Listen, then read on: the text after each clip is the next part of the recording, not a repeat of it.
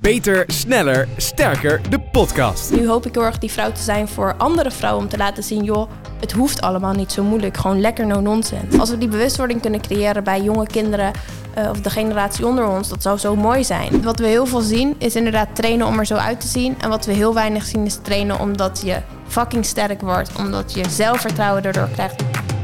In Beter, Sneller, Sterker, de podcast, gaat Martin de Jong van Mensheld en ik, Jordi Warners, weer in gesprek met experts en ervaringsdeskundigen over training, voeding, balans en zelfverbetering. Welkom bij Beter, Sneller, Sterker, de podcast. Nieuwe maandag en een nieuwe podcast. We zijn er weer. Martin. Hey, morning Jordi. Hallo. Je had een beetje een trage start. Iets met Ja. koffie. Zo, ik had wel even... Nou, ik, ik- we zijn hier redelijk vroeg eh, voor mijn doen. Tenminste, Het was half elf.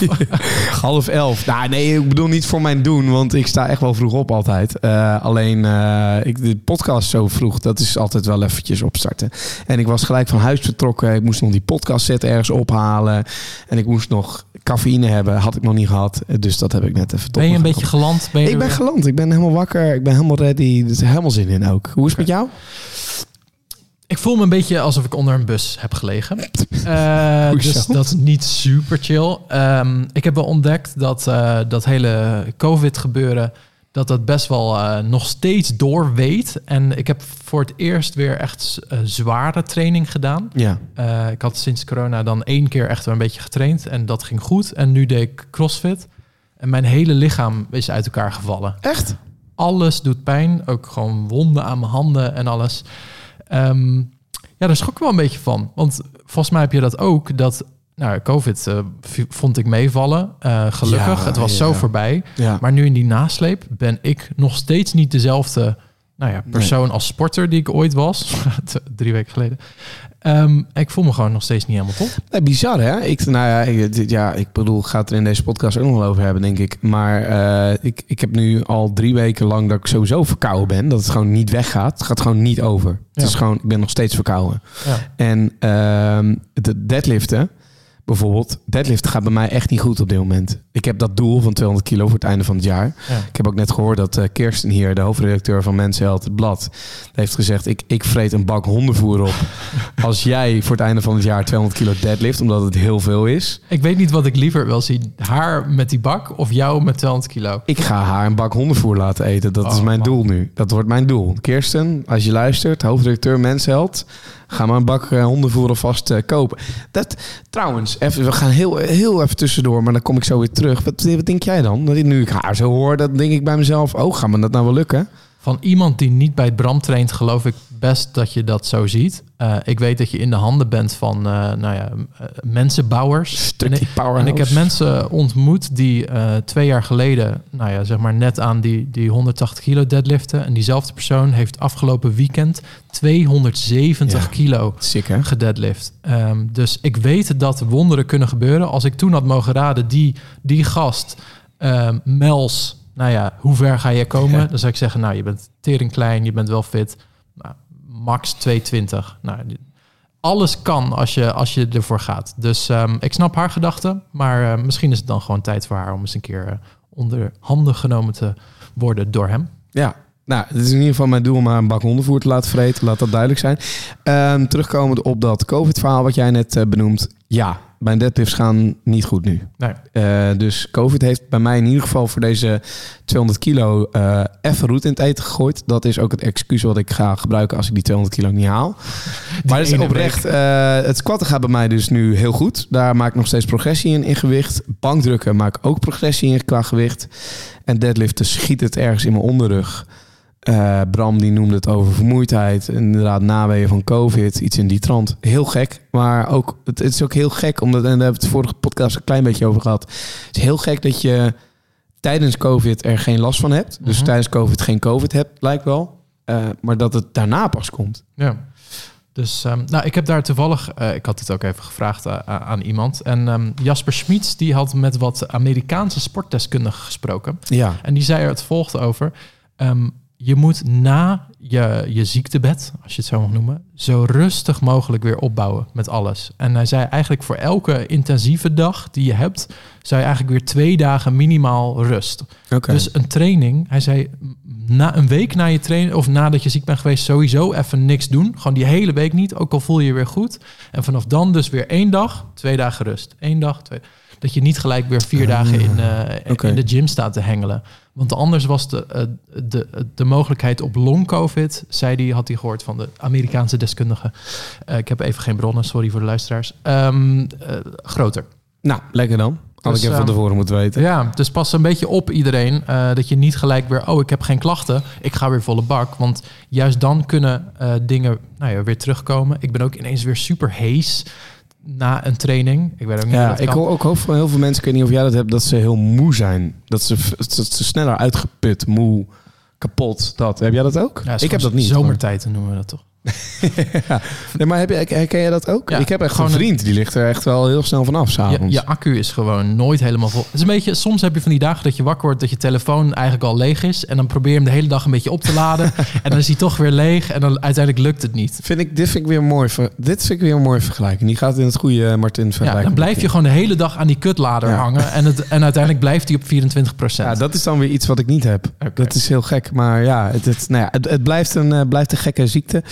Blijft een gekke tijd. Ehm, vandaag hebben we eindelijk de eerste vrouw te gast in deze podcast. Ja. Alhoewel, dat zeg ik nou wel. We hebben de vorige seizoen hebben we genoeg vrouwen langs gehad. Jutta Leerdam, Puk Monen. Het was 50-50. Het was 50-50, maar we hebben het de vorige aflevering ook al over gehad... dat het op een of andere manier voor ons lastig is om dit seizoen vrouwen uit te nodigen. Misschien omdat ik alle vrouwen had, zou moeten uitzetten. Ja, ja, dat is misschien wel iets waar Ja. jij dan even in ik- gelekt hebt. Daar dus ga ik aan werken. de eerste ze- vrouw die ik eruit heb gezet, die is dan ook tegelijkertijd gelijk te gast hier vandaag.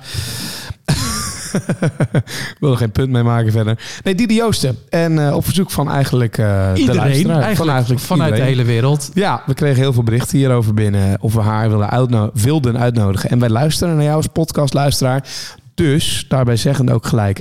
Heb je tips voor ons? Heb je gasten die je heel graag lang zou hebben in deze podcast? Laat even van je horen. Stuur mij, Jordi Warnes, J-O-R-D-I... en dan Warnes achter een DM op Instagram. Of Martin de Jong, M-A-R-T, Grieks I-N en dan de Jong erachter. Eh, dat komt allemaal bij ons terecht. Dat lezen we, daar doen we wat mee. We gaan ook nog een aflevering met heel veel luisteraarsvragen doen. Dus stuur ook je vragen in. Heb je persoonlijke vragen over gezondheid, sport, voeding, mentale gezondheid, noem het maar op. Stuur ze in. We gaan ze behandelen in een eh, aparte aflevering. En eh, vergeet ook niet op Spotify te volgen, want dan blijf je iedere keer op de hoogte van een nieuwe aflevering of andere, andere podcastplatforms. Zo Nou. het eh, commerciële gedeelte. Ja, het commerciële gedeelte ook Nu weer gehad. we een, hier een roodharige dame zitten. Ehm, ik zou zeggen, laat hem gewoon eh, openen. Diede, welkom eh, bij uh, Mensheld. Dankjewel. Superleuk. En tof dat je langs wilde komen. Ook op eh, best wel korte termijn nog. Ja, jullie hebben geluk ook nog. Ik zit in het buitenland eigenlijk. Ik ben nu net even in Nederland, twee weken. Ja. Dus volgende week vlieg ik weer terug. Waar naartoe? Eh, Thailand zit ik nu. Huh? Verkoop jij eh, crypto ja, daar? ik doe dan of, op eh, wat? YouTube van die advertenties van... Willen jullie meedoen met mijn cursus? nee, ik, ehm, ik werk volledig online. En na COVID alles dacht ik van... Ja, oké, nu is mijn tijd nog. Als ik wil reizen, Ja. dan is nu de tijd. Ik wilde het eigenlijk in COVID-periode al doen, maar was lastig. Dus ehm, ja, ik ben in november gegaan eigenlijk. En ik ben gewoon voor onbepaalde tijd weg. Tot, tot ik denk, ik wil weer echt terug naar Nederland dan. Wat lekker. Ja, en, is en waarom ben je dan uiteindelijk nu in Nederland?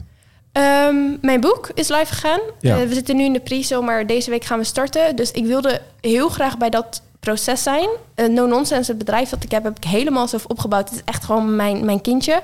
En het voelde op afstand toch niet helemaal lekker om dat zo te doen. En ik wilde gewoon echt bij het proces zijn. Dus ik dacht, ik ga even lekker naar Nederland. En ik kom eigenlijk voor deze podcast. Ik wist dat die kwam. we hadden ook gewoon jouw kant op kunnen komen. Ja, dat, bedoel, ja, Als volgende we dit keer. hadden geweten, dan... eh, Ja. Ja, ik zeg doen. Nou, ehm Diede, jij, jij zit hier ook dankzij de luisteraar eigenlijk. Want eh, nou, wij vragen gewoon iedere podcast wel... wie wil je dat we uitnodigen? Heb je nog tips? Heb je nog vragen? En jouw naam kwam eigenlijk een paar keer ons tegemoet ook. ja. Via mail, via DM. Ja. eh, op mijn feed zag ik je ineens. Iedereen die we ook vroeg van... Oké, je Diede, die kende ook Diede. Terwijl, nou, ik kende jou niet, sorry. Nee. Ehm, je bent ook niet helemaal mijn doelgroep, dus ik Nee, dat is het je. Nou, Ja. ja, ja, we hebben allebei rood haar. Dus in een zekere Ja, we zin hebben we hadden- wel iets gemeen. Maar Maar ja, jouw naam kwam gewoon een paar keer bij ons uh, in, in, de DM sliden. En toen dachten we, ja, dat, we moeten haar uitnodigen. En ook, overigens, maar dat, dat hebben we ook al in deze podcast aangegeven. Wij willen heel graag een balans tussen mannen en vrouwen in deze podcast. Op een of andere manier, als Martin in de DM's van vrouwen slijt, dan, uh, dan duiken ze gelijk weg, reageren ze niet meer en dan wordt hij geghost. En ook gewoon niet, gewoon niet eens gelezen meer. Van hey. Dit is de eerste vrouw die ik uitnodig. En dat gaat gelijk goed. Dat ik gaat wel gewoon aan Jordi overlaten. ja, bij deze. Maar uh, nou ja, dus welkom. En, en uh, luisteraars zijn dus fan van je. Um, no nonsense, je zegt het eigenlijk al net even kort tussendoor. Hoe zou je... Um, jezelf omschrijven en hetgene wat je online doet met sport, met mental health, met gezondheid? Ja, eigenlijk gewoon no nonsense. Het is eigenlijk zou het no bullshit zijn. Dus dat is eigenlijk ook waar ik voor sta, no bullshit. En dat gaat het over inderdaad gezondheid, over fitness, over mentale gezondheid. Um, maar no nonsense klinkt iets subtieler. Het was een volger die tegen mij zei: misschien is no nonsense leuk. En zodoende is dat gegaan. En ik sta eigenlijk gewoon voor. Ik heb een heel groot verleden met slechte relatie met voeding, verkeerd beeld over wat gezondheid is.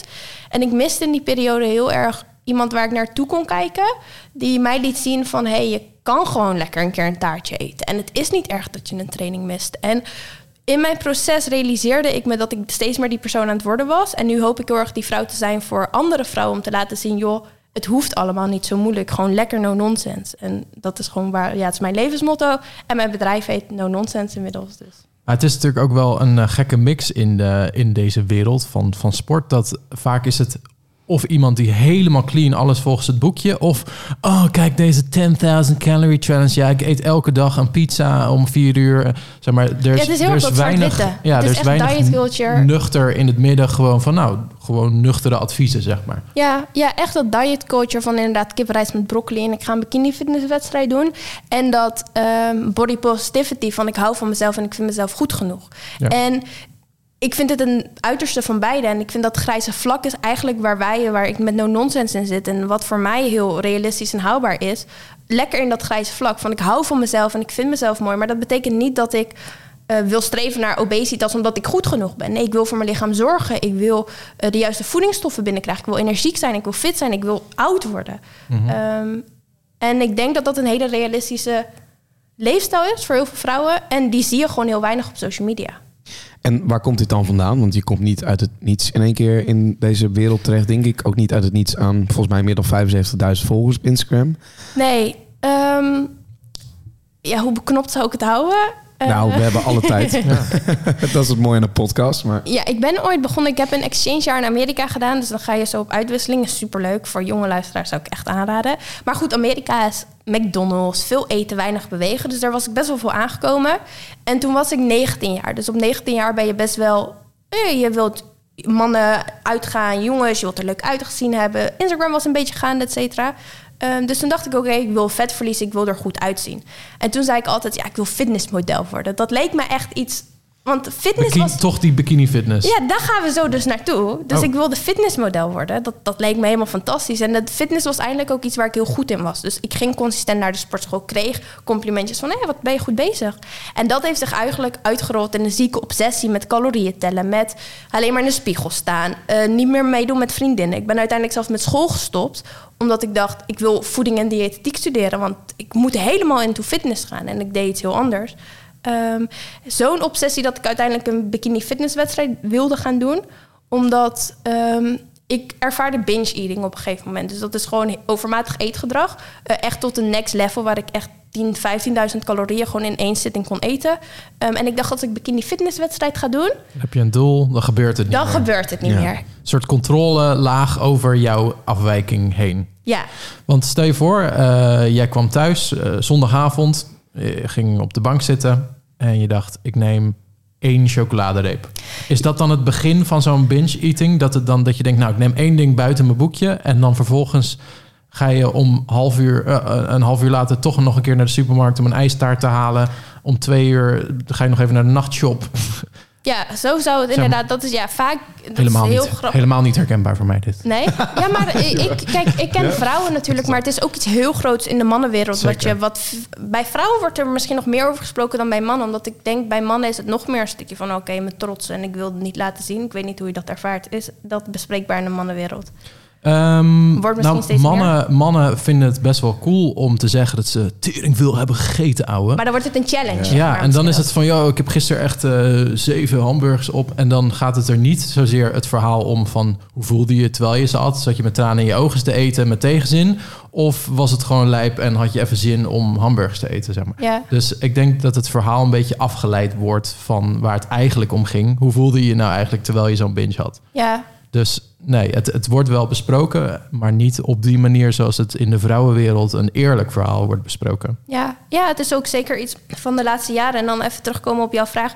Bij mij was het een binge voelde je eigenlijk al aankomen. Dat, ik heb toen, der tijd ben ik YouTube-video's gemaakt. En die heb ik allemaal nog. En dat is echt heel confronterend om te zien. Want ik zie precies waar het misging. Maar het was gewoon een dieet van zeg, je eet 1400 calorieën. Je telt elke gram. Eh, ik had ja, gewoon rijst met broccoli. Niet eens rijst, broccoli met kip, zeg maar. Dat was dan mijn lunch. En dat alle maaltijden. En op het moment dat je dan inderdaad een keer een chocolaatje wilde of wat dan ook, dan was het fout. Dus dan, oké, dan begin ik morgen wel weer en dan ga ik nu eten tot een level dat ik ben toen naar Aruba gegaan. En dit weet ik nog, en dit was volgens mij echt mijn dieptepunt. Toen had ik van die eiwitrepen gekocht, van die proteinbars in 20 verpakking. Toen heb ik gewoon eerst 20 van die repen op zitten eten. Toen ben ik nog naar de M- Wendy's zat daar, heb ik nog een heel menu gehaald met McFlurry. Ja. Om vervolgens nog naar de supermarkt te gaan. Nou, dus zat ik er best dichtbij met Ja, mijn maar dat is het. En dat is heftig, snap je? En dat was een punt dat ik realiseerde... oeh, meid, er, is, er gaat iets niet helemaal goed. En toen ben ik alsnog die bikiniwedstrijd wilde ik doen. Dus ik, ik realiseerde het, maar ik dacht... oh, door meer grip te krijgen los ik het wel op. Ehm, ja, toen is het nog dieper gegaan, obviously. En ehm, Dus dan zit je daar zo'n eiwitreep te eten en denk je, ja, nou, van het slechte is het dan nog in ieder geval het beste. En dan één en dan denk je, oh, het smaakt eigenlijk wel lekker. En dan gaan al die signalen in je hersenen gaan Ja, op een af. gegeven moment weet en je voor niet je meer het dat je weet, eet. zit je de vijfde te eten en dan leg je die doos weg. En dan denk je, 20 van fuck die it. dingen. En dan zit je ze toch allemaal op te eten. ja, en dan verstoppen ook nog hè, de, de papiertjes... want ik woonde toen samen, verstoppen onderin... dat niemand mocht het zien. En ehm, ja, dat is heftig. Ja. Ook ik kan me voorstellen, je buik na 20 eiwitrepen die vol zitten met nepsuikers. Eh, dat werkt wel eens een beetje op je buikje. Maar hoe zag je er destijds uit dan? Supergoed. Verrassend. Omdat je moet beseffen dat op het moment dat dat gebeurde... de dag daarna stond ik om acht uur op de loopband. Ja. Zat ik met 20.000 stappen te halen en eet ik nou niks meer. Tot een punt dat... Er kwam een punt na... Toen ik die bikini fitnesswedstrijd is nooit gelukt... omdat het zo erg was dat ik gewoon die shape niet eens kon behalen. En toen heb ik besloten van oké, er moet echt iets anders. En toen besefte ik van oké, ik laat nu alles voor wat het is. En toen kwam dat compenseren niet meer. Ja, toen was ik zo weer 15 kilo zwaarder, 10 kilo zwaarder. Ehm, ja, toen was ik gewoon wel wat groter, zeg maar. En dat Ja. is heel rustig weer omgerold naar... Op een gegeven moment als je alles mag eten... dus als je... Ik stond mezelf toe om te eten wat ik wilde om uit eten te gaan. Ik hoefde het ook niet te compenseren. Op een gegeven moment wordt het dan niet meer zo leuk. Eh, en toen resulteerde het rustig weer gewoon wat normaler eten. Toen ben ik meer gaan leren over voeding. eh, opleidingen gaan doen. Inzichten gekregen. En dat heeft zich ja, drie jaar later geresulteerd in waar ik nu ben. En dat is gewoon een heel langzaam, rustig proces geweest. En ik ben nog steeds aan het leren. En er zijn nog steeds dingen... Ik stond gisteren in de paskamer en dan heb je die maten SML. En ik was dan altijd blij als ik een S'je kon passen, zeg maar. Ja. En nu heb ik een M en moest ik gisteren toevallig een L aan. En dan voel ik me toch nog wel even shit, snap je? Van ik heb een L. Dus er zijn nog steeds, ondanks dat het super goed gaat... nog steeds dingen waar ik aan moet werken. En er zijn, blijven altijd dingen die, die lastig zijn op dat vlak. En stel je voor, je had nu ineens geen volgers meer, niemand die naar je verhaal luisterde. Zou het dan ook, want nu kun je het ook nog en voor jezelf doen en voor als inspiratie voor anderen. Is het een fijne stok achter de deur voor je om te weten van, hé, hey, ik, ik wil toch ook gezond blijven op die nuchtere manier vanwege de mensen die mij volgen? Ja, dat ervaar ik niet zo. Omdat tegenwoordig deel ik veel meer informatie dan wat ik zelf doe. Omdat de manier hoe ik eet is eigenlijk super saai. Ik eet gewoon lekker gezond. Ik eet mijn eiwit, ik eet mijn groenten. Ik eet gewoon lekker. Ik tel geen calorieën, dus ik eet eigenlijk gewoon. Ik heb net lekker een bacon met zalm gehaald. Dus daar deel ik eigenlijk vrij weinig over. Ik deel meer over. eh, ik ben ook toen gaan coachen. Ik heb nu het boek uitgebracht. Ik ben met No Nonsense bezig. Dus ik deel veel meer informatieve dingen dan wat ik eigenlijk zelf doe naast op stories. Maar dat vind ik gewoon echt super leuk om te doen. Het is echt iets. Ik zou dat altijd willen blijven doen. Ik vind dat zo leuk. En daar zit natuurlijk ook een nadeel aan. Ik zag volgens mij gisteren of eergisteren een story van jou voorbij komen... waarin je helemaal moest goed praten over, over eten weggooien of geloof ik. Ja, klopt, ja. Ik had de story daarvoor niet gezien, dus ik wist niet helemaal waar het over ging. Maar ik, ik zag wel gelijk, oh, er is weer iemand die heeft commentaar gehad... of misschien meerdere mensen en jij moet iets goed gaan praten... wat eigenlijk bullshit is dat je het überhaupt goed moet praten. Ja, ik denk, ik weet niet hoe. eh, zijn jullie heel actief op social media? Ja. Ja, dus ik denk dat jullie het ook wel ervaren. Op het moment dat je iets post, is er veel meer context nodig bij wat hetgene dat jij post. Ja. Dat jij bijvoorbeeld eh, een dure auto hebt, betekent niet dat je geld overal weggooit, zeg maar, bij Nee. wijze van spreken. En zo is het nog met voeding en gezondheid nog moeilijker. En ik geef altijd dit voorbeeld. Dan zeg ik bijvoorbeeld, die appels zijn super gezond. We zouden allemaal meer appels moeten eten. En dan DM'en mensen mij en dan zeggen ze... jij zegt dat bananen ongezond zijn. En dat is het stukje context dat mis. Dus het ging over inderdaad... Ik gaf aan, joh, als je vol zit, zit je vol. Je hoeft niet op te eten omdat de kindjes in Afrika het anders krijgen. Snap je? Dat is iets wat we heel vanaf jongs af aan vaak aanleren. En toen zei iemand, ja, maar je bent pro-voedselverspilling. Ja, maar dat ben ik helemaal niet. Ik geef alleen aan, joh, als je vol zit, zit je vol. En dat is heel lastig met social media. En ik ben benieuwd, hoe ervaren jullie dat? Nou ja, ehm, ja, ik, ik negeer het eigenlijk meestal. Ik, ik krijg wel eens commentaar op andere dingen hoor. Eh, weet ik veel wat. eh, gaat dan niet over voeding, maar dan sta ik te tanken met mijn auto en dan gooi ik de euro 95 in. En dan krijg je zes cadeaus met, oh, eh, gooi jij de 95 in, waarom geen 98? ja, dan denk ik bij mezelf, ja, ik rijd geen Lamborghini Aventador eh, waar eh, 98 eh, in moet in plaats van 95. Maar dan, ja, tuurlijk, dat vreet me een beetje op. Maar dan denk ik tegelijkertijd, ja, laat gaan. Want die context, ik heb ook niet altijd zin om maar die hele tijd die context te geven. Want dit is gewoon wat ik deel en ja, je doet het er maar mee. Ja, Ja. En eh, bijvoorbeeld jij doet dan eh, deadlifts en squat op Instagram. Ja, nee, en je dat- bent dat ja. aan het leren. Dus dat staat er ook bij. Ja. Ik ben het aan het leren.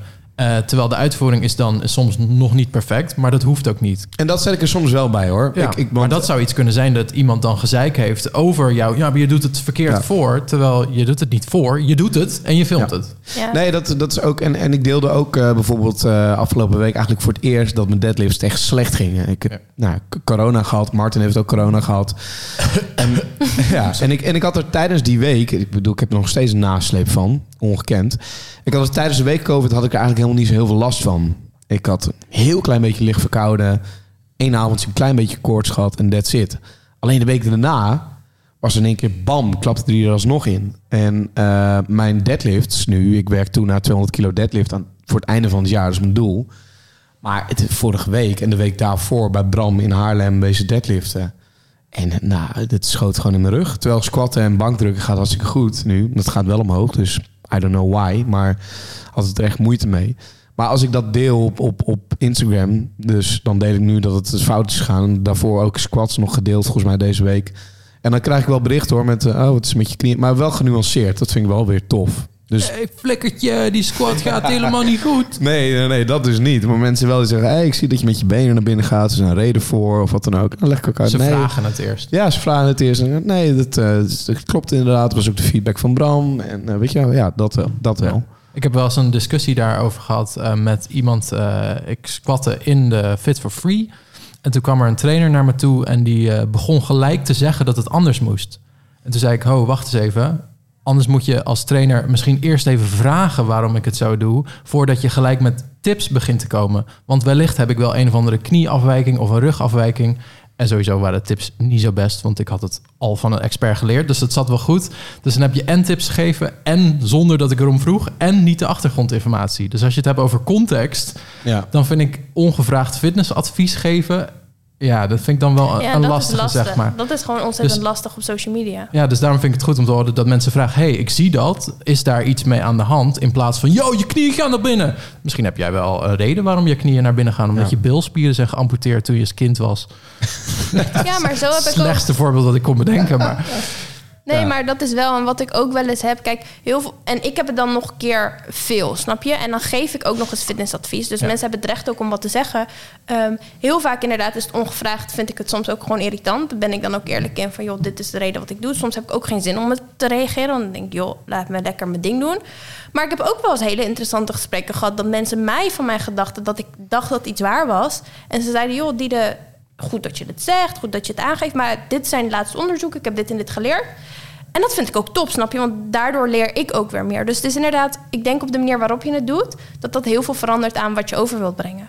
Ja, en misschien ben jij daarin, je, je, je draaft niet hoog van de toren van ik ben de expert, de alwetende, maar meer gewoon zo doe ik het en eh, Ja. let hier eens op. Dus misschien maak je daardoor ook wat bespreekbaarder dan heel elite doen, zeg maar. En heb jij zelf ook mensen die je volgt en waar je dan zeg maar, als voorbeeld naar kijkt hoe jouw volgers dat bij jou hebben?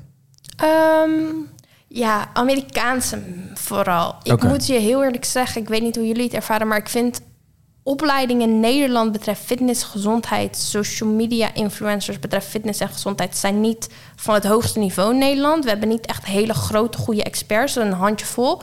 Eh en in Amerika zie je, of in Engeland zie je er veel meer. Dus het zijn echt Engelstalige Amerikaanse waar ik wel echt naar opkijk. Dat ik denk, joh, wat jullie doen is echt heel tof. Hoe ervaren Ja. jullie dat? Want jullie zitten natuurlijk ook in Men's Health. Hoe ervaren jullie het met fitness-influencers of coaches in Nederland? Ik, ik, ga, ik kijk er misschien op een andere manier naar. Want ehm, ik eh, volg niemand om er heel veel van te leren. Nee. Ik wel om eh, inspiratie. Dat vind ik wel heel tof. Ehm, dus ik krijg wat mee, maar ik zit dan niet kritisch te luisteren van... oh, klopt dit of klopt dit niet? Ja, dat zou, eh, het kost me mijn leven een beetje als ik daar te veel mee bezig hou. Dus dan volg ik liever iemand die denkt van... oh, die is goed, die is lekker bezig... dan of, of ik ze factcheck eh ga doen, zeg maar. Nou ja, kijk, we hebben natuurlijk een, een, een hoop namen hier ook langs gehad in de podcast. Ja. En misschien dat we, ik, tenminste, ik vind de namen die we langs hebben gehad, wel allemaal in het, het vakje expert zitten. Kijk, ik weet natuurlijk ook niet hoe in Amerika is, maar als ik kijk naar ehm, niveau überhaupt van de sportbewegenopleiding in Nederland, dan ja, het is gewoon matig. is dat zeer, zeer, zeer matig, geloof ik. En ook als ik kijk naar de gemiddelde mensen die in de Fit for Free rond mogen lopen. eh, als het gaat om werknemers van de Fit for Free of de Basic Fit of wat dan ook. Deze gaan we dus ook niet meer als sponsor krijgen van deze podcast. Nee, out. ja, nou ja, nou ja, eh, maar prima ook. Maar ja, vind ik matig. Ik, ja, sorry, maar dat, dat, dat jochie wat in de Fit for Free lo- eh, langsloopt... wil ze niet allemaal over één kam scheren, hè? Zit ook wel eens, ik weet ook wel dat...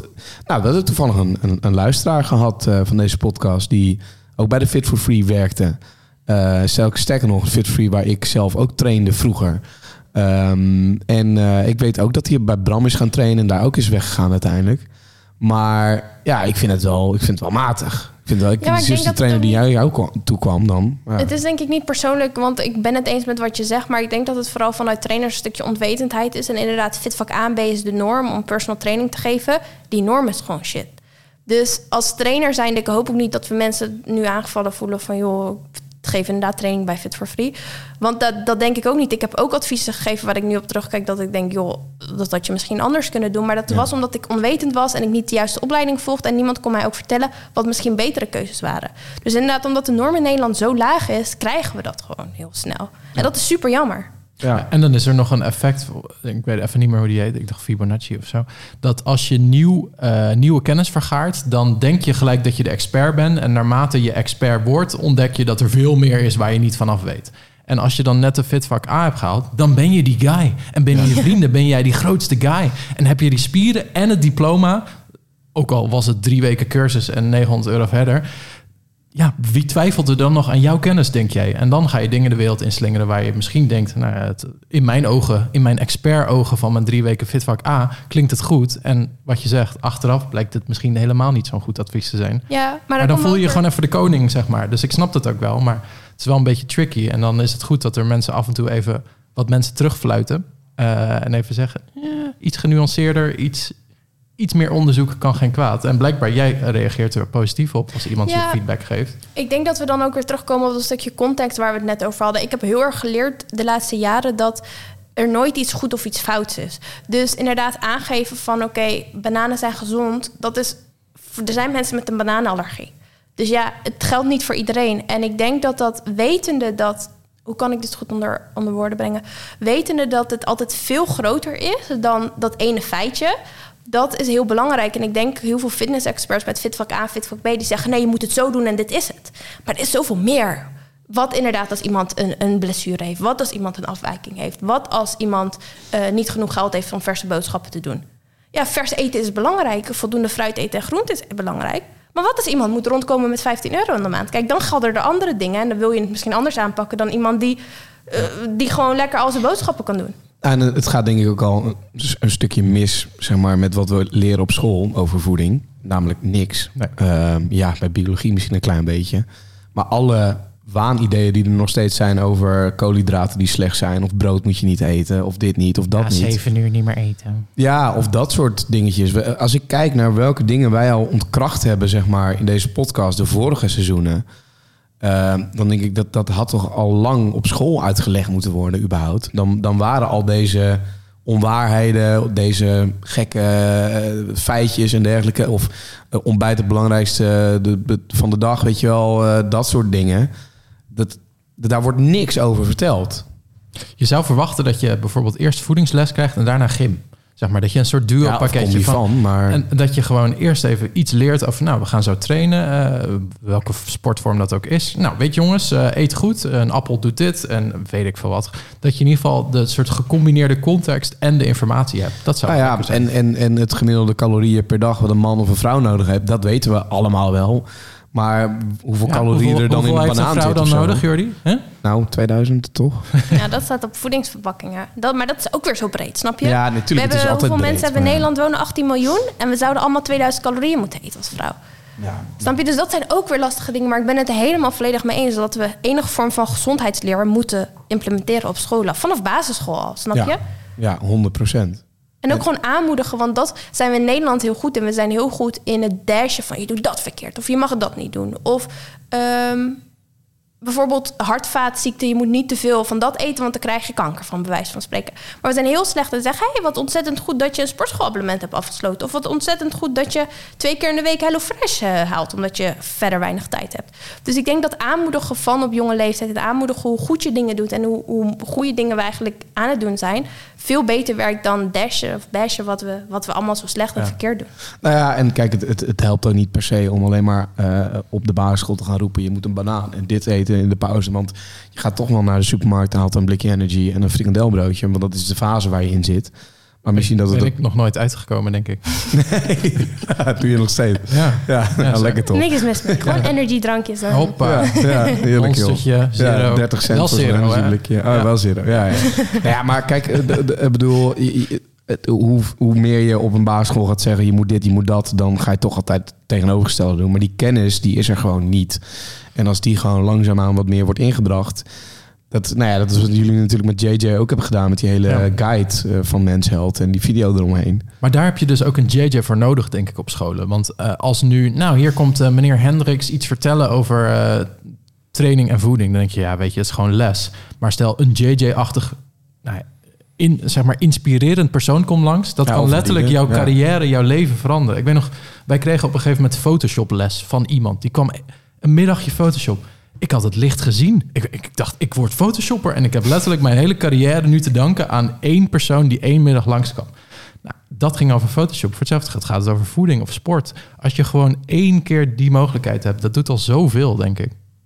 Ja, Dus als je nog Photoshop dingen nodig hebt, weet je me te vinden. ja, we gaan zo even een uurtje Photoshop lessen. Even een uurtje Photoshop les van Martin. Ja. Ja, nee, ja, 100% eens. En het hoeft natuurlijk ook niet in het, eh, in het extreme te gaan. Hè? Want je had het natuurlijk net over Amerika. Eh, kijk, ja, ik vond het wel lekker. Want in in New York eh, sta ik bij de Starbucks... en eh, heb ik heel veel zin in die latte huppelen puppelen pup... met karamel en shit en zo erbij. En dan staat er achter hoeveel calorieën het is. En dan denk ik, nou, neem toch maar even dubbel espresso. dus het kan, het kan wel lekker zijn. Het, moet- het hoeft ook niet in het extreem. Het is niet zo dat iedereen straks op de basisschool moet gaan leren... eh, extreem om te gaan met wat, hoeveel calorieën neem ik in op een dag. Maar- Maar gewoon iets meer kennis erover is wel goed, denk ik. Gewoon, ik denk die bewustwording. Dat Ja, is het dat. meer gewoon bewustwording van joh. En dan denk ik niet eens dat het over calorieën hoeft te gaan, maar meer over gezondheid. Wat, waarom voed je je lichaam? Waarom is dat belangrijk? Waarom is het ook oké als je een keer die frappe latte Ja. met 500 calorieën wilt nemen? Dat het ook prima is. Dus als we die bewustwording kunnen creëren bij jonge kinderen eh, of de generatie onder ons, dat zou zo mooi zijn. En ondertussen probeer ik dat door te geven aan vrouwen van mijn generatie. Omdat als die kinderen krijgen, hopelijk kunnen we die dan opvoeden. En hopelijk gaan we op die manier rustig, eh, rustig bouwen. En als je dan kijkt naar de afgelopen twee jaar, eh, corona. Ik, ik zag jou net stories delen over dat je, je zat helemaal nu in een rush met alles kon weer. Weet je, er wel werd weer gedaan. Nee, je bent natuurlijk druk met je boek ook. Die pre-order die vandaag is gestart. Ehm, hoe kijk je dan naar die twee jaar corona? Wat heb jij meegekregen van de mensen die jou volgen daarin? Wat het met hen heeft gedaan? Ik weet niet hoe jullie het ervaren, maar corona is voor mij echt heel goed geweest. Eh, omdat ik helemaal terugging naar mezelf en eigenlijk een vrije agenda. Wat ga je doen? En eh, bij mij kwam er op een punt dat ik heel veel op mijn telefoon zat op TikTok te scrollen.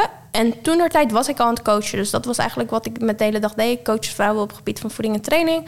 Eh en toen zat ik zoveel op mijn telefoon. Toen dacht ik, ja, als ik op mijn telefoon zit, laat ik er dan iets moois van maken. Laat ik er iets nuttigs van maken. En dat is ongeveer twee jaar geleden, was net voordat corona een beetje lockdown, et cetera. Eh, en toen ben ik content gaan delen.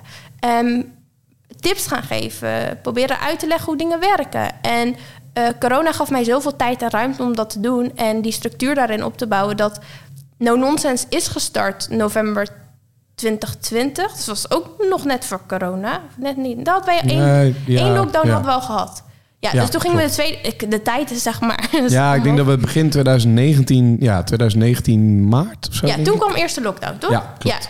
Dus eh, No Nonsense is gestart net voor de tweede lockdown. En ehm, toen ben ik online trainingen gaan geven. Dus van die, van die fitnesslessen drie keer in de week. Iedereen zat thuis, had wel Vonden we aan. fantastisch. Het Ja. was super leuk. Heb ik ook zoveel mensen leren kennen en een hele community eigenlijk mogen opbouwen, want we deden iets samen. Eh, dus op dat vlak is COVID voor mij eigenlijk alleen maar goed geweest. Maar ik denk dat, eh, misschien was dat ook meer jouw vraag. Eh, ehm, ik denk dat iedereen best wel hoopvol was toen corona begon. Want iedereen deelde zijn thuisworkouts, iedereen was lekker bezig. Maar toen het doordrong dat de sportscholen dichtgingen, dat de winkels dichtgingen, dat je leven op slot ging.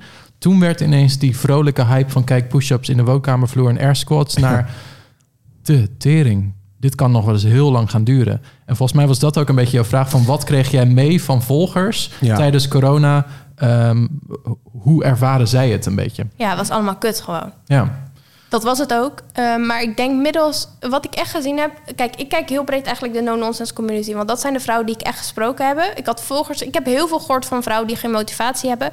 Maar inderdaad, nu ervaren we allemaal weer zo'n zieke rush. Dus ik denk dat ze altijd wel periodes hebben waarin het op sommige gebieden wat minder goed gaat. Eh, bij COVID was het natuurlijk iets heel groots. Maar ik denk dat we elkaar wel gesteund hebben. Zo ervaar ik het echt om juist wel te gaan trainen. Wandelen is helemaal een ding geworden. Like voor corona, volgens mij niemand wandelde in de ochtend. Hebben jullie ooit met je vrienden even afgesproken om lekker te gaan Ja, wandelen? maar precies. Ik nog Nee, nooit. nee, dat is waar. En nu is het wekelijks. Ja, nou ja, ik heb een hond, dus ik weet niet anders. Maar... Maar, vrienden. En geen vrienden. nee, maar ja, het, het klopt wel. We hebben allemaal een stukje meer bewustzijn, eh, denk ik. Alleen het is wel wat, wat waar wat jij zei, Martin, in het begin. Was, maar dat, dat zag je met alles. Natuurlijk Ja. ook volledige support van de coronamaatregelen of het klappen voor de, voor de zorg. Dat was op een gegeven moment ook klaar. Ja. Weet je wel? Iedereen had in het begin zin om met z'n allen schouders eronder. En eh, we gaan dit nelen en we gaan hier wat van maken. Dat was op een gegeven moment ook wel weg. En dat gebeurde natuurlijk denk ik ook wel met het sport. En eigenlijk ook als ik naar mezelf kijk. Op een gegeven moment had je er ook geen zin meer in om eh, te gaan hardlopen of wat dan ook. Want je wilde gewoon weer die gym in. Ehm, en als je dan kijkt naar mentale gezondheid. Wat bij jou natuurlijk volgens mij ook gewoon belangrijk is. Ja. Wat, wat doe je daar zelf aan?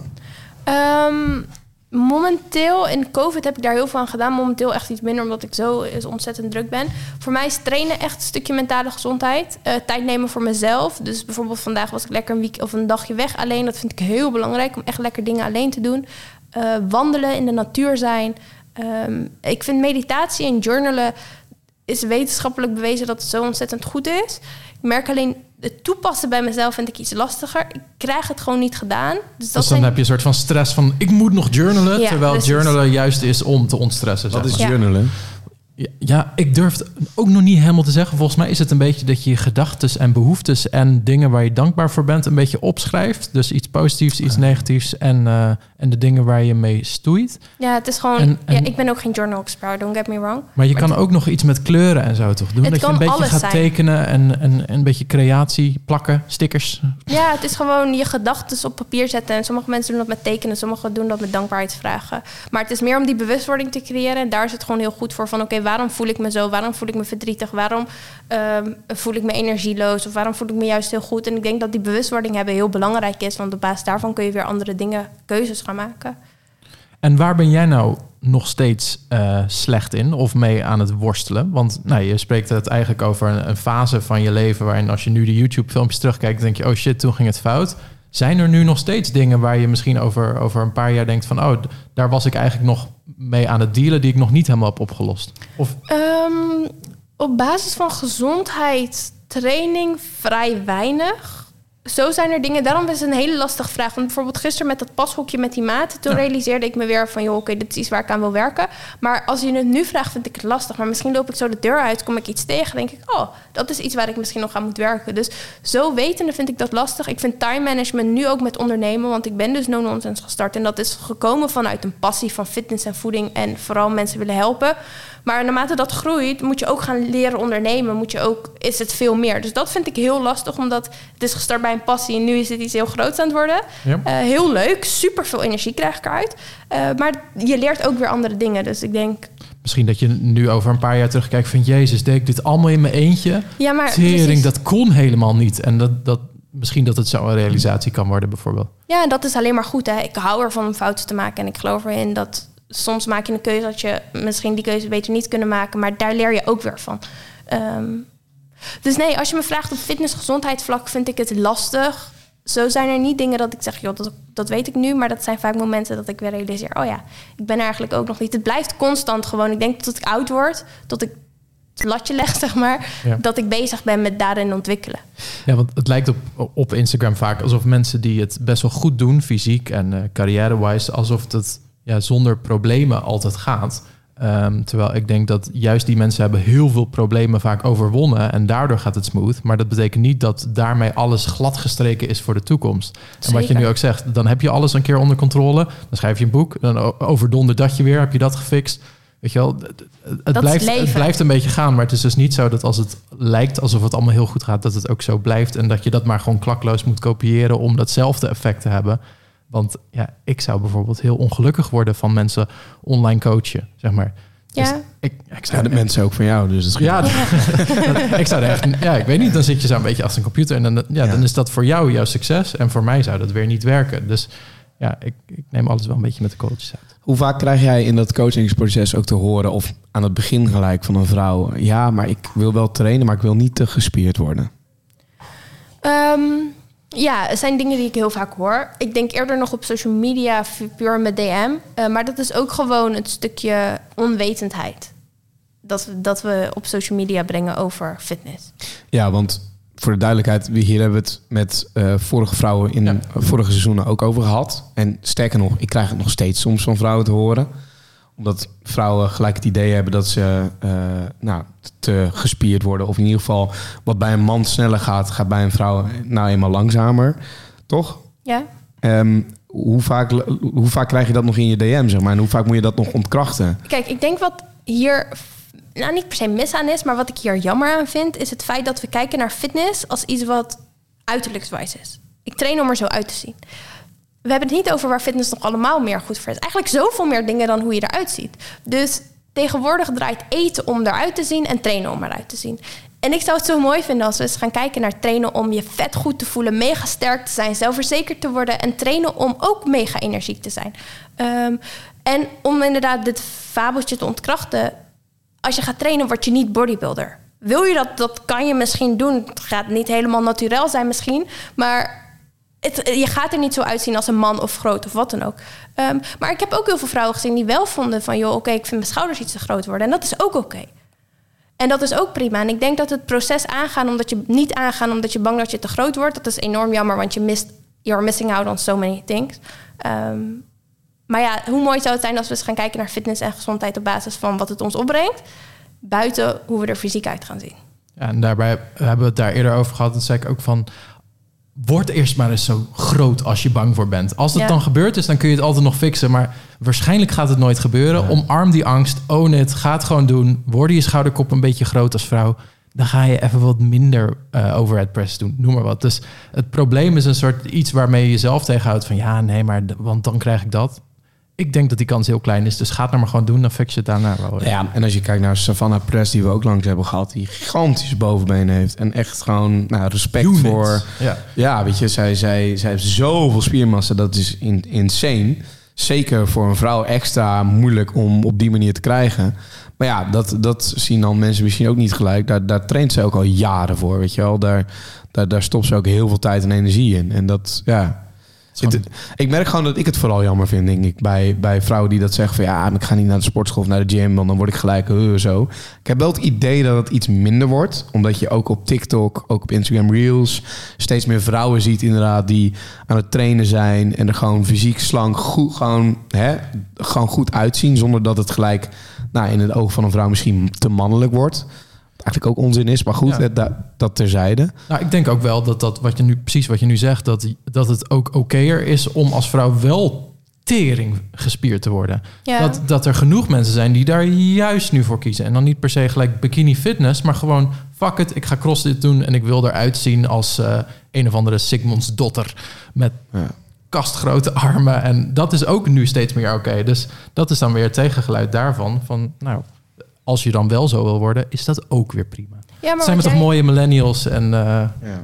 Ja, Jordi zei net heel mooi. Kijk, ik denk dat het heel lastig is. En dat is met alles inderdaad als vrouwen aangeven aan mij of aan jou. Van ik wil niet te gespierd worden. Met het antwoord nee, maar dat word je niet. Daar kunnen ze eigenlijk niks mee. Want vrouwen Nee, hebben daadwerkelijk de overtuiging en voelen zich zo van als ik begin met fitnessen, dan ga ik mezelf niet meer mooi vinden. Dus jij gaf net al heel mooi aan waarom het niet zo is. En ik denk met die uitleg kunnen we veel meer vrouwen inspireren dan dat we zeggen: je wordt niet groot van fitness, dit en dat. Nee, klopt, Omdat ja. ze hebben dat gevoel wel en dat gevoel mag er zijn. Dat is oké dat ze dat gevoel hebben. Alleen we willen graag heel, laat heel graag uitleggen waarom het niet hoeft. En start gewoon al, is het even op de loopband staan of met babygewichtjes. En dan ga je steeds meer zelf ervaren dat het niet zo is.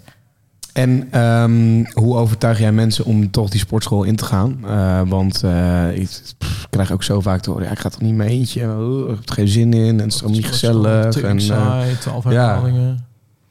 Eh, overtuigen niet zozeer, denk ik. Ik denk dat ik heel graag laat zien wat het mij brengt en wat het andere vrouwen kan brengen en hoe leuk het kan zijn. En ik probeer vrouwen ook adviezen en tips te geven van, joh, wil je alleen naar de sportschool gaan? Nou, eh, zorg dat je een trainingsplan hebt. Ga misschien eerst even, vind een fijne sportschool. Dus er zijn heel veel tips in. Ehm, maar er zijn ook mensen van wie, voor wie krachttraining het niet is. En die moeten misschien op dansen gaan, of op paardrijden, of op zwemmen. En dat is ook oké. Dus ik zeg daarin vooral, joh, ga experimenteren. Dit zijn tips die je kunt toepassen als je voor de eerste keer alleen naar de sportschool gaat. Ga eens een paar weken, want joh, één keer gaan en zeggen ik vind het niks, dat, dat werkt niet. Ehm, ga het eens ervaren. Merk je na twaalf weken en je hebt dit allemaal gedaan, je hebt een trainingsplan of je hebt met een trainer gewerkt en je vindt het nog steeds gereed aan. Nou, misschien moet je wel op salsa dansen gaan. En die gaat naar salsa dansen en die is helemaal naar nopjes en die vindt het fantastisch. Eh, dus ik denk vooral als wij als krachttrainers kunnen laten zien hoe wat het ons brengt, hoe energiek en fijn we erbij voelen, dat dat heel veel vrouwen en mannen kan inspireren om dat ook te gaan doen. In plaats van dat we aangeven, je moet krachttraining doen omdat het goed voor je is. Is ehm, fitnesswereld mannen- of vrouwenwereld? Oeh, is het man- of vrouwenwereld? Nou, Ik denk mannen. Het sowieso mannen op social media vrouwen. Ik denk dat het groot geworden is door mannen. En toen, eh, toen zeg maar, door de Schwarze- Schwarzenegger-achtige types. En toen kwam er een hele vloot van een soort Cindy Crawford-achtige mensen... die met fitnessgewichtjes, een beetje pilates... eh, toen werd het een soort een trendding. En daarna is het uiteindelijk, nou ja, nu met Instagram... denk ik richting 50-50 aan het gaan. Eh, dus het is een beetje van beide, maar ik vind ik. het wel interessant wat je zegt, want social media, vrouwen en normaal mannen. Wat, hoe bedoel je dat dan? Nou, ik weet niet welke gym jullie trainen. Ik ga zelf naar Fit Basic Fit. We gaan allemaal naar Fit for Free. Beste sportschool ever. Sponsor deze podcast. Ehm, nee, ik ga zelf naar Basic Fit. Maar ik denk dat het verschilt qua sportschool. Maar als ik daar ben, dan is de verdeling... Ik denk 75, 25 mannen, vrouwen. Welk moment ik ook ga. Dus mijn uitspraak over het is in real life mannen... is op basis van wat ik daar zie.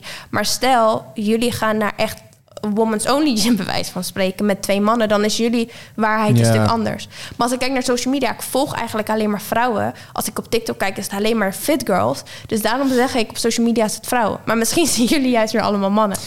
Nou, nu je het er zo over hebt. eh, ik, ik was eh, afgelopen week in Rotterdam, waar ik naar twee gyms ben geweest. De Vondel Gym van, eh, van Winnen. Ehm, en een, een, een, een andere gym met echt oud ijzer. En gewoon alles was oud daar. En gewoon een donker hok.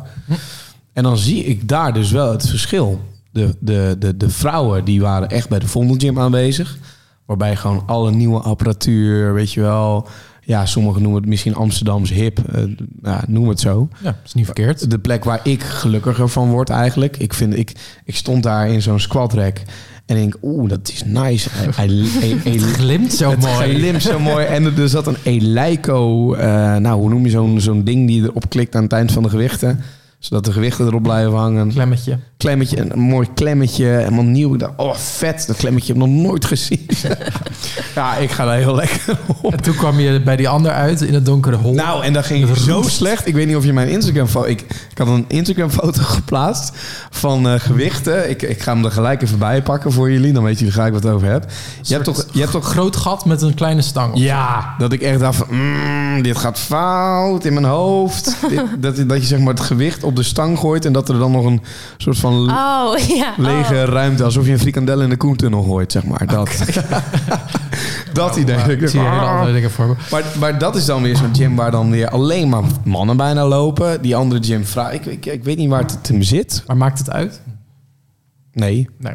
Nee, maar maakt het überhaupt uit wat we in deze podcast zeggen? Nee, dat, dat is ook wel weer. Maar kijk, stel je voor, me, eh, voetbal was een mannensport. Ja, dan was het een mannensport. Maar er doen ook weer genoeg vrouwen aan mee. Nou, maar ik, ja, het- waarom ik hem eigenlijk ook een beetje stelde... is omdat ik het idee heb dat het wel gelijk trekt. nu. Oh. Het maar dat is mis- steeds meer, denk ik. Dat geloof ik ook zeker wel in. Ja, En alleen dat is ook supergoed, super fijn. dat is misschien ook wel het beeld dat social media met zich meebrengt. Maar dat is ook niet erg misschien. Nou, waar ik dus wel benieuwd naar ben, en het is wel een interessante kwestie. Fitness is helemaal hip op onze leeftijd. Hoe gaat dat straks zijn als wij 60, 70, 80 zijn? Want nu gaat het voor vele fitness om hoe ik eruit zie. En Ja. nu zijn we nog jong. Dus inderdaad, als we trainen, kunnen we er mooi uitzien, mannen en vrouwen. Maar straks zijn we 60, 70. ja, Dan hoeven we niet meer te trainen om hoe we eruit zien. Want dat gaat vrij weinig verschil brengen. Maar dan komen we weer neer op wat brengt Ja. fitness ons mentaal en gezondheidsvlak. Superveel. Dus ik hoop eigenlijk dat we deze trend ook mee kunnen nemen als naarmate naarmate we ouder worden. Omdat het is veel meer dan hoe we eruit zien. En dat is wel de motivatie van vele jonge meiden die nu trainen. En ik denk ook bij, bij mannen. Ja. Want als je kijkt naar oude mensen in een sportschool, ja, is weinig. Maar misschien is Ja. dat ook wat er gaat gebeuren. Dat deze generatie die nu traint, later ook gezonder is. Dus dat ze ook dan nog steeds langer in de sportschool blijven plakken. Omdat ze nog vitaal zijn gebleven. Want wat je nu doet, heeft ook impact voor later. Ja. Ehm, en ik denk ook dat fitness is een mooi voorbeeld van een sport. Er zijn van die onderzoeken naar van beweeg je zijwaartse bewegingen, heen en weer, zoals voetbal. Hele hoge kans op, op blessures. Terwijl fitness is vrij rechtdoor. Dus je doet een bicep curl, je doet een squat. Het is allemaal recht vooruit, recht omhoog. Dus de kans op blessures is ook veel lager bij deze sport. Waardoor je dus ook langer heel makkelijk kunt doen eh, zonder je gezondheid in gevaar te brengen. Dus ik denk de mensen die op jonge leeftijd al die passie voor fitness hebben gevonden, die kunnen dat in de meeste gevallen probleemloos blijven doen totdat ze oud zijn. Dus ja, ik denk dat we wel aardige grijs gyms gaan hebben. En misschien zoals er nu dan sportscholen zijn, women's only, is het straks een 60-plussers gym. Zou het toch top zijn? Zou ik Ja. zomaar kunnen voorstellen. Want de, de vergrijzing neemt straks toe. Nou, eh, de- eh, onze wereld is best wel snel. We hebben haast als we gaan bankdrukken. Ik kan me zomaar voorstellen als ik 65 plus zou zijn... dat ik dan even lekker en eerst nog een theetje ga drinken... en daarna even lekker bankdrukken. Gewoon, ik heb een uurtje de tijd... en misschien krijg ik nog wel wat pottetjes of wiebertjes Waarom tussendoor. doe jij nou in één keer Amsterdamse Ja, accent dat-? Ja, is. Maar ik moet dan wel even mijn beeld bijstellen hoor. Want ik had mezelf eigenlijk ook wel op mijn 65 een beetje zoals mijn vader met zo'n buik in een all-inclusive hotel in Turkije met een whiskytje zien zitten. Maar Ja. dat gaat er dan dus ook niet in zitten. Wordt hem niet voor je. Verdomme. Ja, dat is wel jammer. Ja, heerlijk. Zag er al naar uit. Maar goed. Van die foto's bij de horizon. ja. En dan, dan eh, de zon en een cocktail. en dan met, met de vrouw en dan zo'n hartje zo op Facebook, profielfoto. Heerlijk, Ik denk it. dat het wel kan. Maar ja, ja, is jouw doel nu van hey, ik word later oud met een sixpack? Eh en ook die vraag aan jou. Nee. Ja, maar daarom dan komen we eigenlijk weer neer Ja, op een stukje trainen voor hoe we eruit zien. Ja. Wanneer gaan we dat kunnen omdraaien naar trainen om hoe we ons voelen? Het mag altijd nog een stukje zijn hoe we eruit zien hoor. Ja. Maar daarom ben ik daar zo benieuwd naar wat je zegt. Het zou top zijn. Maar ik vraag me dus af of het zo is. En ik hoop dat we dan nog kunnen omdraaien. Want de motivatie van zoveel mensen om te trainen is om met een sixpack op, het strand te lopen. Ja. En daarom vraag ik me af of we straks die 60-plus gym hebben. Want die motivatie, die, op een gegeven moment gaat die drive om te trainen dus wegvallen. Omdat fysiek, ga, of mm, je gaat alleen maar achteruit hoe je eruit ziet. Mhm. Naarmate je traint, je blijft nog altijd fit en vitaal. Maar we kunnen er niet omheen. Als je ouder wordt, word je er niet groter en breder en mooier van, zeg maar. Nee. Ehm, dus daar ben ik zo benieuwd naar. Of dat gaat gebeuren. En dat weten we niet. Dat kunnen we niet zeggen. Maar hoe tof zou het zijn als we nu mensen deze bewustwording al kunnen meegeven... dat er zoveel meer is dan trainen om hoe je eruit ziet. Eh, maar ook om hoe fit je bent, hoe goed je je voelt... wat het mentaal voor je kan doen. En dan geloof ik wel dat we straks die 65-plus gym hebben. Dus 100% als ik 50, 60 ben, ik ben nog gaan trainen. Wat is de grootste fout die je tot nu toe gemaakt hebt? Deze podcast. Ja, ja zeggen op jou. Nee. Ik heb Oeh, die veel komt aan. fouten gemaakt, ja. Eh, wat is de groot... Ja, ik denk dat stukje... ehm, we kijken naar gezondheid op hoe ik eruit zie... en niet wat het voor mij kan doen. Oké. Maar we hadden het eh, vorige week over ehm, trainen eigenlijk of beginnen met iets omdat je ehm, het wil doen om indruk te maken op anderen. Dat je eigenlijk, m- mis- eh, ik wilde zeggen fouten, maar dat je eigenlijk andere waarden staan. Dat je een soort eh, niet een intrinsieke motivatie hebt om te beginnen met sporten. Maar als je zegt van ja, ik train voor een sixpack, ehm, dan zou dat dus volgens jouw theorie misschien fout zijn. Niet per se fout, hè? Don't get me wrong. Het is niet verkeerd om te doen. Ik denk dat wat ik zie, laat ik het zo zeggen, en dan praat ik vooral eventjes over vrouwen, maar ik weet dat het bij mannen ook wel gebeurt. Heel veel vrouwen starten met trainen of met gezondheid omdat ze er een maatje 36 willen hebben of omdat ze er leuk uit willen zien in bikini. Ja. 9 van die 10 vrouwen houden niet langer vol dan 5 jaar omdat de motivatie om het te doen gaat vaak over of de mening van anderen vinden ze belangrijk of echt dat stukje uiterlijk. En we hebben gewoon gezien in de praktijk en in de wetenschap dat dat niet werkt. Omdat je motivatie om het te doen is niet de juiste motivatie. Ehm, en we zien dat als je gaat kijken naar ik train of ik ben met mijn gezondheid bezig, omdat ik inderdaad met mijn kinderen wil spelen als ik 35 ben, of ik wil uh, zware dingen kunnen tillen, of ik voel me er sterker en energieker door.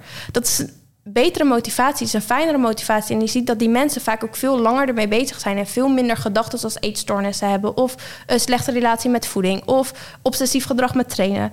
Um, dus het is niet per se verkeerd hoor, want zo ben ik ook gestart en ik heb geleerd dat het anders kan. En het is oké als je wilt trainen naar een sixpack. En er zijn ook mensen die mentaal geen gevoel erbij hebben en wel een fotoshoot of een wedstrijd willen doen. Maar als het toch blijft met het gevoel, ik wil waardering hebben vanuit anderen, ik wil er goed genoeg uitzien, ik, ik dan is het vaak niet de juiste motivatie. En zie je op de lange termijn dat het gewoon een negatief aspect, uh, effect heeft op gezondheid. Dus Jordi, we spreken jou over vijf jaar nog een keer. Klinkt dus uh, niet heel veelbelovend. Nou, hoezo? Nou, ja, maar train je alleen om een sixpack te hebben? Nee, dus ik weet ook niet waar deze aanname vandaan nee, Omdat we het er dus over hadden dat jij was begonnen vanwege indruk op anderen, zeg maar, of eigenlijk een soort bijna druk van anderen. Um, nou ja, volgens haar uh, verhaal vanuit de wetenschap blijkt dat niet de beste bron te zijn. Heb jij inmiddels een andere richting gegeven aan jouw sportmotivatie? Ja, 100 procent. Oké. Nee, ik doe het al lang niet meer voor. Nou, ik doe het, ik doe het gedeeltelijk natuurlijk nog steeds wel voor uit. Ik vind het bij mezelf mooi om in de spiegel te kijken en te denken: oh, mijn schouders zien er goed uit, borstpartij is goed en uh, de, de, de, er is wat zeg maar spiermassa, wat aftrainen, wat dan ook. Maar als ik echt puur met uiterlijk bezig zou zijn, ja dan had ik het nu heel anders aangepakt. Dan had ik niet het doel om 200 kilo deadlift te gaan doen ingesteld. Want ja, kun je er alsnog wel goed uit. Maar ja, ik, nee, ik doe het niet meer alleen nog maar voor uiterlijk fysiek. Komt er wel bij kijken. Ik bedoel, ik weet nog wel dat uh, nou, toen al die sportscholen dichtgingen in, in de lockdown. Ik na een tijdje ook dacht van ja, godver, weet je wel. Nu gaan mijn schouders ineens weg en dan gaat dit weg. Ook oh, zie dat in één keer weggaan. Natuurlijk, dat vind ik wel kut. Maar dat hangt samen met de rest of zo, snap je? Ja. Kijk, ik ga er nu lekker op dat ik uh, nou, afgelopen week drie keer drie sets met 100 kilo uh, gesquat heb. Omdat het weer een stapje erbij is qua gewicht. En dat ik deze week daar weer mee uit kan bouwen. En nou, ik voel me de kut door vorige week. Uh, dat de deadlifts niet zo lekker gingen, dat ik die niet kon afmaken. Qua fysiek heeft het niks aan mijn fysiek verslechterd dat ik die deadlifts niet kon afmaken. Maar snap je? Dus ja. die progressie vind ik belangrijk. Ik train nu drie, vier jaar ongeveer, denk ik. Weet ik eigenlijk niet. Zoiets, drie, vier jaar, gok ik. Nou, zolang wij ongeveer elkaar kennen, denk ik. Ja, net een jaar ervoor. Nou, exact. En uh, ik, ik vind het nog steeds heerlijk om te doen. Ik ga het van, vanavond weer doen. Ik heb er nu al weer zin in. Dus denk jij dat het inderdaad klopt? Dat, dat het, nou, als het alleen esthetisch was gebleven vanwege de ander, dat je het inderdaad niet had volgehouden? Um, ja, eens. Alleen heb ik dat zelf zeg maar, bijgesteld of zo. Ik weet niet. Het is gewoon een natuurlijk proces gegaan. Ja, ik vond het op een gegeven moment leuk om te trainen. Ik vond het heerlijk om te doen. Haalde er een goed gevoel bij uit. En nu ik er ook bij nadenk, en dat zeg ik ook heel vaak tegen mensen. Ik, ik hou van eten. Ik hou van, ik ben echt wel een Bourgondier. En uh, ik hou ervan om uit eten te gaan of dingen, nieuwe dingen te proeven. Of, of weet ik veel wat. En uh, ik merk ook dat ik dat nu veel meer kan doen. Uh, zonder daar per se heel veel bij na te denken. Puur omdat ik heel hard en uh, heel zwaar train. Dus dat is ook nog weer een bijkomstigheid. weer van, ah, lekker, weet je wel. Ik kan en tegelijkertijd genieten van het leven. kan wat dingen eten en dergelijke. En tegelijkertijd training, dus is het prima zo. En als ik een keer leaner of aftrainer wil worden, dan weet ik hoe het moet. Dat heb ik al gedaan. En dan zien we dat moment ook alweer aankomen als dat gebeurt of zo vind dat op kantoor wel leuk. Dan eh, is er bijvoorbeeld taart. En dan, uh, nou, ik ga echt all out. Ik kan dan, ja, ik moet gewoon taart binnenwerken. En dan staan er mensen toe van, oh ja, kan dat met sport dan wel? en ik, ja, juist ik heb het harder nodig dan ooit. Zeg maar. ik, ik wil gewoon die energie voelen, voelen stromen. en of dat dan taart is of iets gezonds, dat maakt mij dus op dat moment helemaal niet uit. Maar ik weet gewoon dat het goed zit. Ik hoef er niet mee bezig te zijn. Terwijl mensen die dan niet sporten, die zijn er dus blijkbaar meer mee bezig dan ik. En ik vind het zo lekker dat sporten dus ook bij jou die vrijheid. Ik ben juist meer Bourgondier misschien, zeg je. Eh, doordat je de vrijheid vanuit fitness ook krijgt Ja. om dat te doen. Terwijl Ja. je zou denken, als je begint met fitness en eh, nou ja, bewuster eten, dat je dan, nou, de, de alcohol moet eruit en de, die bitterballen op de vrijdagavond moeten eruit. Maar het omgekeerde is waar. Je geniet er misschien is zelfs dus- meer van nu. Waarom, waarom is het zo inderdaad dat als vrouwen of mannen beginnen met sporten, dat ze of niet, dat ze dan kiezen voor niet die taart of niet die bitterballen? Ja, Gaat altijd over uiterlijk, ja. niet over gezondheid. Omdat uiterlijk de eerste meetgraad is van succes. Ja. Ik denk als je net begint met fitness, dat zelfvertrouwen is er niet. Sterker nog, als je voor het eerst de gym binnenloopt, is de kans dat je je nog onzekerder voelde dan buiten de Fit for Free, eh, is erg groot. Dus onzekerheid is er. Nou, het enige wat je dan ziet is dat je lichamelijk vooruit gaat. Nou, ik voel me onzeker. Oh, maar wacht eens even. Die ader, die zat er vorige week nog niet. Oeh, oeh dat is leuk. En ineens voel je een soort van zelfvertrouwen die esthetisch is bepaald. Dus ik denk dat die twee heel erg hand in hand gaan. Juist omdat de fitnesswereld of gyms best intimiderend zijn om voor het eerst binnen te lopen. Vooral als je er niet uitziet als de mensen om je heen in je boutique gym in Rotterdam Centrum. Ja, dan ben ik Ja. dus weer even terug, want ik wilde de vraag terugstellen naar jou over wat ik net zei. Ben je het daarmee eens of niet? Over dat uiterlijke en trainen en het volhouden daarvan. Want ik, je klonk alsof je het er niet mee eens was. Ik vind, ik vind dat de beste motivatie om te gaan gymmen. Dus ik ben het volledig. Nee, nee, eh, Oh. dus juist om hoe je voelt en de zelfvertrouwen die het je oplevert en de gezondheid. Ik- Ik, ben zelf gaan trainen omdat ik het fucking lekker vond voelen. En toen ineens merkte ik dat ik er heel anders uit begon te zien. En ineens werd ik onzeker over mijn uiterlijk. Ging ik andere keuzes maken met het gebied van voeding, want ik moest er zo uitzien. Ja. Terwijl daarvoor zat het er niet. Ik wilde gewoon meer gaan bewegen. En ik merkte dat ik daar heel veel progressie in kon boeken. En besloot dat te omarmen. Uiteindelijk werd het onzekerheid. Werd, het, werd ik diegene die inderdaad, zoals ik net al ehm, voor mezelf ook pitchte. Ik was diegene die dan s'nachts naar de Albert Heijn reed. Of naar een nachtjob om nog een keer iets te scoren. Want ik zat in een binge waar ik gewoon niet uitkwam. En met buikpijn op de bank lag. ja. Ja, waar kwam dat dan vandaan? Ik, Maar ja, ben- puur door esthetische dingen, terwijl ik niet zo was begonnen. En nou, ik moet zeggen, ik was niet super onzeker in de gym, omdat ik van nature al best wel nou ja, breed was. Ehm, maar ik ging er gewoon te lekker op en toen dacht ik dat het allemaal moest. En nu train ik totaal niet meer op die manier en nu hou ik het vol. Ik ga allerlei sporten aan, want als ik nu, weet ik veel, ga wielrennen of hardlopen, dan denk ik niet, oh, het kost me mijn gains. Dan denk ik, oh, yo, het is lekker weer, ik ga lekker wielrennen. Terwijl vroeger zou ik geen workout skippen. Ik zou voor die voor die training heb ik mijn bakjes al klaar liggen. Dan ga ik dat en dan doe ik dat. En om één uur moet ik slapen, dus ik ga nu weg. En die, die paniek die je dan om spierverlies of om gezondheidsverlies eh, of gainsverlies eh, kunt hebben, is niet gezond. En juist door zo te trainen zoals jij nu zegt, dus op hele andere waarden, verdwijnen er juist meer zorgen. En dan zul je zien dat je juist meer traint en meer plezier hebt dan wanneer je alleen maar op het probleem fixeert, zeg maar. ja, ik weet niet of Ik ik, hoor jou kreunen en steunen erdoor. Nou, ik- wringt. Ja, omdat ik niet weet, als ik er nu zo over nadenk, is er een beste manier om eh, als motivatie te hebben om de gym in te gaan? Ik vind persoonlijk van niet, want ik eh, ben juist wel de gym in gegaan omdat ik mezelf er slecht vond uitzien. Ja. En ben daar wel heel erg met, met, met uiterlijk bezig geweest. Het heeft me meer zelfvertrouwen gegeven. Het heeft me meer eh, zelfverzekerdheid gegeven. Het heeft mij op dat moment alleen maar voordelen gebracht. En ik ben het er wel mee eens dat als je niet ook gelijk, tegelijkertijd voelt van... hé, hey, ik voel me er ook beter door en ik ga ook beter in mijn vel zitten... en het, het, het wordt ook een... Het, het wordt ook beter of zo, zeg maar. Dus ik kom de gym uit met meer energie en ik kan de dag beter aan. Eh, als je voor die signalen stilstaat, ja, dan ga je het niet lang volhouden. Maar als het op een gegeven moment natuurlijk wordt dat het beide, zeg maar, hè, de, de motivatie wordt om naar de gym toe te gaan. Ik denk dat er ook niks mis is met inderdaad dat uiterlijke motivatie daarin hebben. En motivatie is natuurlijk ook niet iets dat in stand houdt. Dus er zijn ook dagen dat je door wilt gaan als je geen motivatie hebt. Uh, maar ik denk daarin het belangrijke wat ik wil meegeven en dat jij dan kan beamen is dat wat we heel veel zien is inderdaad trainen om er zo uit te zien. En wat we heel weinig zien is trainen omdat je fucking sterk wordt. Omdat je zelfvertrouwen erdoor krijgt. Omdat je je goed voelt. Omdat je gezond oud kan worden. En ik hoop nu ook via deze podcast onbewust, maar ook via mijn eigen social media, dat door te geven. Omdat die bewustwording heb ik heel erg gemist. En ik denk dat we daar veel te weinig over praten. En ik denk als er mensen zijn die dit luisteren en nu eigenlijk denken van joh, inderdaad, ik train alleen voor die sixpack misschien. Wat zijn nog meer positieve aspecten die trainingen opleveren?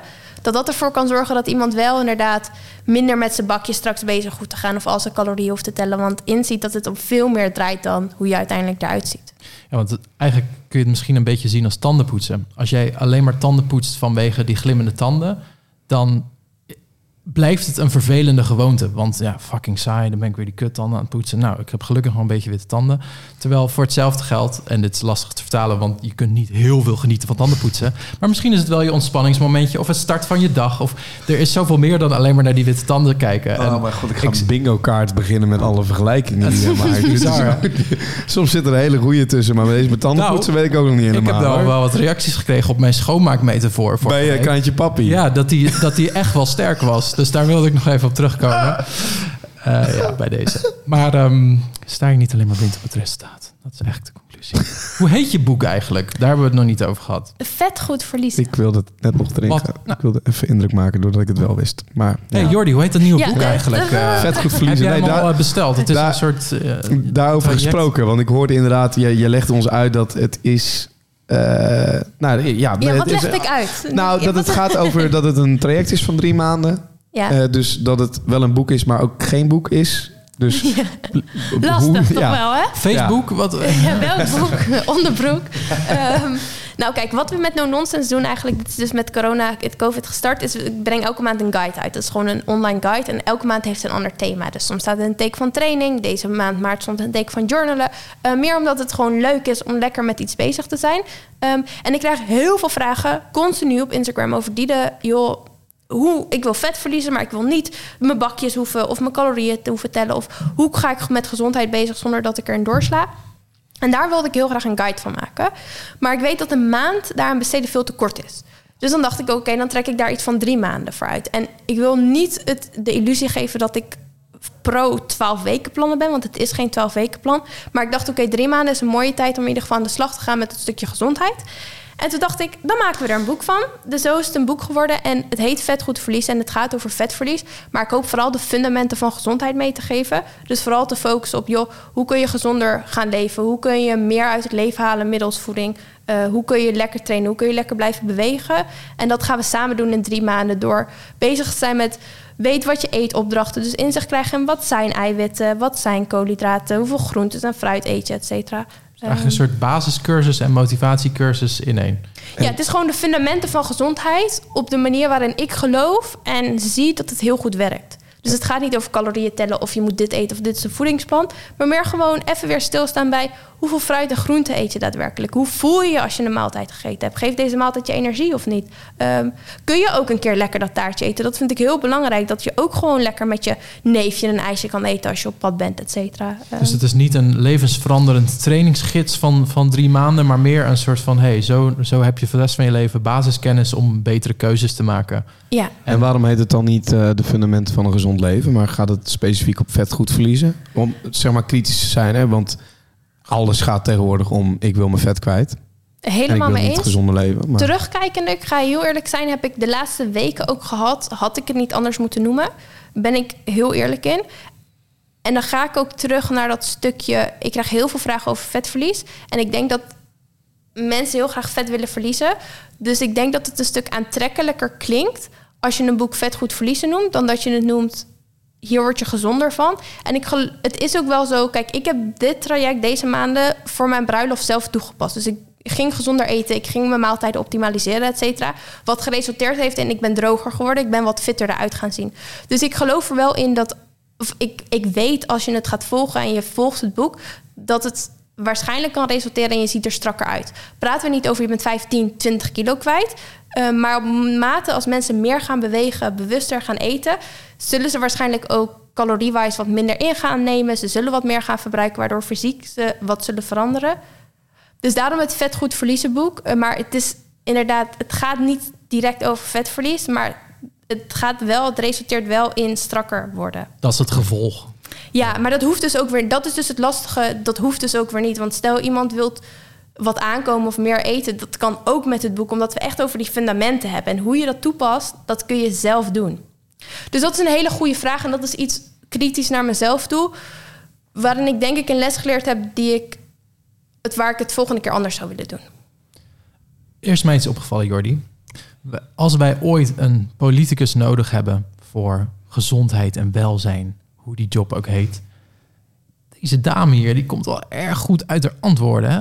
En ook Ja. eh, wedervragen, vragen herhalen. Als- Maar wij hebben heel wat mensen hier in de studio gehad, die hebben mediatraining gehad. En eh, Ja. ik, eh, ik ben onder de indruk van, eh, ja. van jou als gesprekspartner. Dus dat, Nou, eh, dat wilde ik even zeggen. Het is echt bizar hoe, hoe, hoe correct en hoe overwogen jouw antwoorden zijn. Zonder geveinsd, net als een politicus, dat je zo helemaal, oh, wat willen ze horen? Nee, je geeft eerlijke antwoorden, maar je denkt er echt goed over na.